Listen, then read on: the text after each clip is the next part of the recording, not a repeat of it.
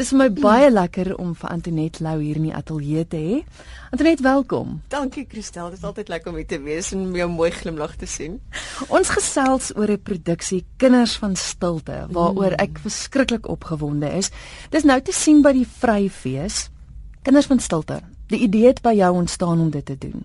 Ja, ek is ek is en ek is net so opgewonde. Kinders van Stilte is die vertaling en die verwerking van daar was in die 80s was daar 'n uh, Oscar fliek met die naam van Children of a Lesser God. En William Hurt en Molly Matlin het daarin gespeel en Molly Matlin was die eerste en enigste dowe aktrise wat 'n Oscar gewen het. En Children of a Lesser God is gebaseer op 'n Tony Award um wennende toneelstuk. En ag soos die bedryf maar is, jy weet 'n mens met my as 'n aktrise kan 'n mens nie sit en wag vir werk nie. So ek skep my eie werk en ek het gedink, hemel, sal dit nou nie amazing wees om 'n uh, 'n dowe 'n rol te speel nie. Ek kry toe die toneelstuk in die hande en ek lees toe die skrywer sê dat as dit professioneel gedoen word, sal hy baie graag wil hê die dowe karakters moet deur dowes gespeel word. En ek dink toe goed, ehm um, weet jy wat, ek gaan aan met dit want dit is 'n ongelooflike toneelstuk, dis 'n ongelooflike projek. Want vinnig net gou vir luisteraars, dit gaan oor die spraakterapeut en die dowe meisie kom by hom uit en hulle twee raak dan verlief. Dis in kort, ja. Ja, ja.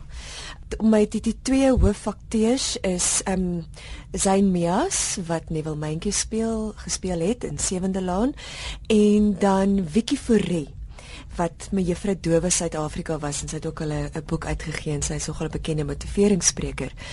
Ehm um, en alhoewel Vicky doof is, moet sy gebaretaal leer want sy is horend groot gemaak en sy kan goed praat en natuurlik Zayn ook en dit is baie baie moeilik want gebaretaal is om 'n hele nuwe nuwe taal te leer en dit was bitter moeilik om dowes te kry om om te speel want daar is nie dowe akteurs daar buite nie. Regtig? Ehm um, wel dowes wat kan praat en gebaretaal doen. Want jy moet albei kan want doen. jy want veral vir die een rol, ehm um, moet hulle beide kan doen en daar's nogal twee kampe in die dowe wêreld. 'n Dowes wat kan praat en dan dowes wat gebaretaal doen. Ehm um, so die twee dowe persone in die toneelstuk Vicky Forrie en Jason Farrow um met ons van die basisse af oplei. Um as ek net kan gefvinnig oor Jason net sê. Ja, ja. Jason is 'n 19-jarige bruin ouetjie. Hy beide sy ouers is doof en hulle kan nie praat nie. Um hy was in 'n dowe kleuterskool en sy het 'n baie dinamiese antie en sy het besluit jy gaan nou hoor in die skool toe want jy is nie dom nie want die persepsie daar buite is is dowe mense dom is en Jason wat toe gebeur het op, hoërskool is hy het in ek dink so net 5 of graad 7 het hy 'n gehoor implanting gekry so hy kon 'n bietjie praat en op hoërskool toe die kinders hom geboelie en hom verskriklik geterg oor hoe hy praat So hy's verskriklik skaam en hy's hierdie ongelooflike aantreklike ouetjie. Maar hy praat verskriklik sag. Want hy is nog die hele lewe lank geterg en nou moet ons hom kry om Ek wil nou net sê nou sit julle hom op die verhoog. Nou sit ons op die verhoog met 'n klomp mense, maar en hy's nou in 'n omgewing waar ons vir hom sê, ja, "Jason, jou stem is pragtig. Hoe jy praat is beautiful." En dit is ongelooflik om te sien hoe hy stadig aan selfvertroue begin kry. Mm. Ek is baie opgewonde oor oor ons almal se reis. Weet jy, ek is nogals skaam om dit te sê nou, nou dat die, die hele dowe wêreld vir my oopgegaan het en ek nou meer insig het. Ek het in die begin gedink, ja, weet jy, dit gaan nogals baie bemagtigend wees vir die dowes. Ha, ah, dis andersom. Ek ek kan nie vir jou sê wat dit vir my beteken het nie. So nie net is dit 'n wonderlike toneelstuk waarna mens kan gaan kyk hmm. nie, maar verstaan ek reg dat dat horende gehoorlede gaan miskien dalk daai wêreld beter verstaan. Absoluut, Christel. Weet jy, en dit is dis 'n toneelstuk vir vir verhoorendes. Ehm um, alhoewel ons ge, gebaretaal op die verhoog gebruik, word dit die hele tyd vertaal deur okay. deur sy se karakter. En ehm um, dis om uh, daar's soveel elemente aan die toneelstuk wat dit gaan oor kommunikasie. Of jy nou kan hoor of nie, praat of nie. Ons hoor mekaar nie. Hmm. Suid-Afrikaners met alles, jy weet, ons ons luister en ons hoor nie en daar was net soveel kommunikasieprobleme. So die doofheid is maar net een element van die verhaal. En vir my teater ag dit is my so pas ook kom ek so passievol oor teater is. Teater het die vermoë as dit mens reg doen om 'n ongelooflike rol te bied vir die gemeenskap. Om dit om 'n opvoedkundige en 'n rol te kan speel op 'n vermaaklike manier. Mm. So ons wil definitief ehm um, vir die horende gemeenskap meer inligting gee oor die dowes. Uh die Nasionale Instituut van die Dowes gaan vir ons inligting gee. Gaan daar daar gaan inligting wees by elke produksies. Daar gaan ehm um, Uh Outigan is ook een van ons sportskappe. Dis 'n gehoorapparaatmaatskappy. Hulle mense gaan daar wees om mense in te lig oor gehoorgestremdheid. En 'n persentasie van die kaartjieverkope gaan na terug na die Nasionale Instituut vir die Dowes. So, dis nie meer net vir ons 'n toneelstuk nie. Hmm. Kyk, die hele idee het by jou begin, maar jy speel self ook daarin. Ja, ja. Ek uh, ek speel drie rolle. want kyk daar is mos nou net maar nie geld nie so ehm um, ek moes van die karakter sny en gelukkig kon ek dit nou so vertaal en verwerk dat ek uh, drie vinnige drie karakters kan speel so ja dis julle vier akteurs mm. en dan Helene Hunt is die regisseur oh, ja weet jy Helene het ek 15 jaar terug ontmoet en ek het toe al geweet ek wil eendag saam met haar werk mm. en ek het eers 'n ander regisseur gehad wat dit toe nie meer kon doen nie en ek glo vas dinge dit was mos iets was toeval nie. Mm -hmm. Dit mos 'n groter hand. Helene is die perfekte persoon. Sy het soveel deernis. Sy het soveel talent en sy weet presies hoe om met ons almal te werk.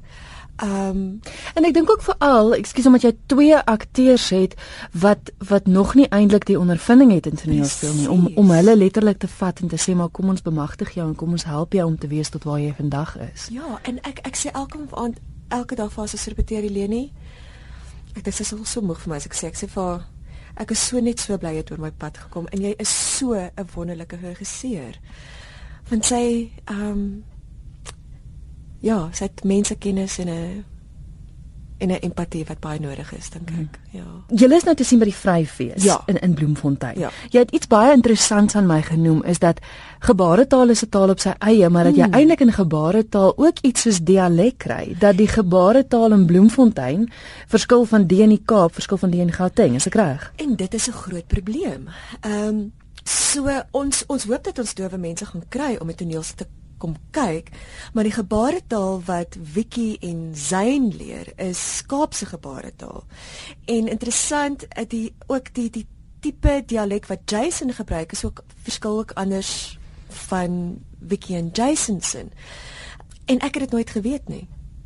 Ek het dit nooit geweet dat van die Vrystaat tot die Oos-Kaap, dit is dit ja, So daar's baie miskommunikasie dan wat daar ook plaasvind. Ek sou nou nogals graag eintlik by Zayn wou gehoor het eh, wat 'n groot uitdaging dit was mm. om om gebaretaal te leer want jy moet dit oortuigend doen. Ja. Jy moet die gehoor kan oortuig dat jy dit eintlik al vir baie lank doen.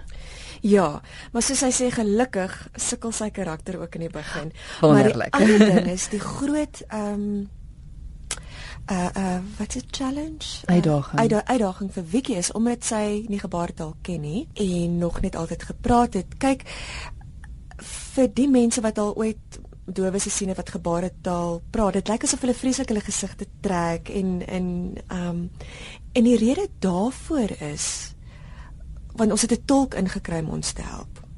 Sy sê die gesigsuitdrukkings die tipe gesigsuitdrukkings sê net maar jy sê net ja of nee Verduidelik gou vir die luisteraars, skus, ja, is as jy jou hand te face maak en jy Face maak hom op en af soos asof jy knik. Ja, Ja. en en die hand is 'n voorstel van jou kop.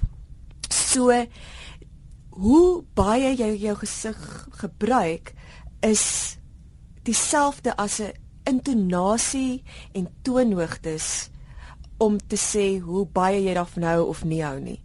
So as jy jou gesig meer ekspressief gebruik, wys dat jy's regtig baie of jy jy jy het 'n opgewonde ja, Ja, ja. teenoor 'n ander gesigsuitdrukking. Presies. Ja. Hmm, interessant. Ja, so ehm um, 'n hele nuwe wêreld het vir jou oopgegaan.